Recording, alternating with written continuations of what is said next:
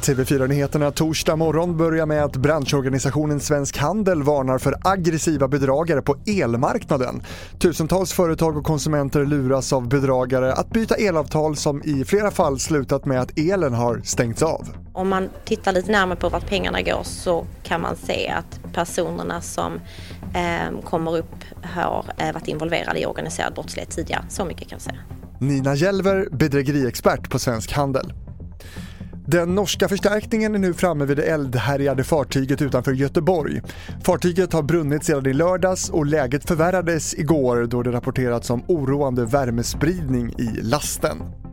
Mm. Och till sist till Storbritannien, där ökar coronarestriktionerna nu på grund av smittspridningen av omikron.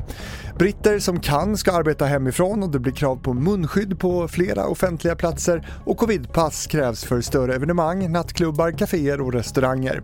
Med utökad testning vill den brittiska regeringen undvika en nedstängning.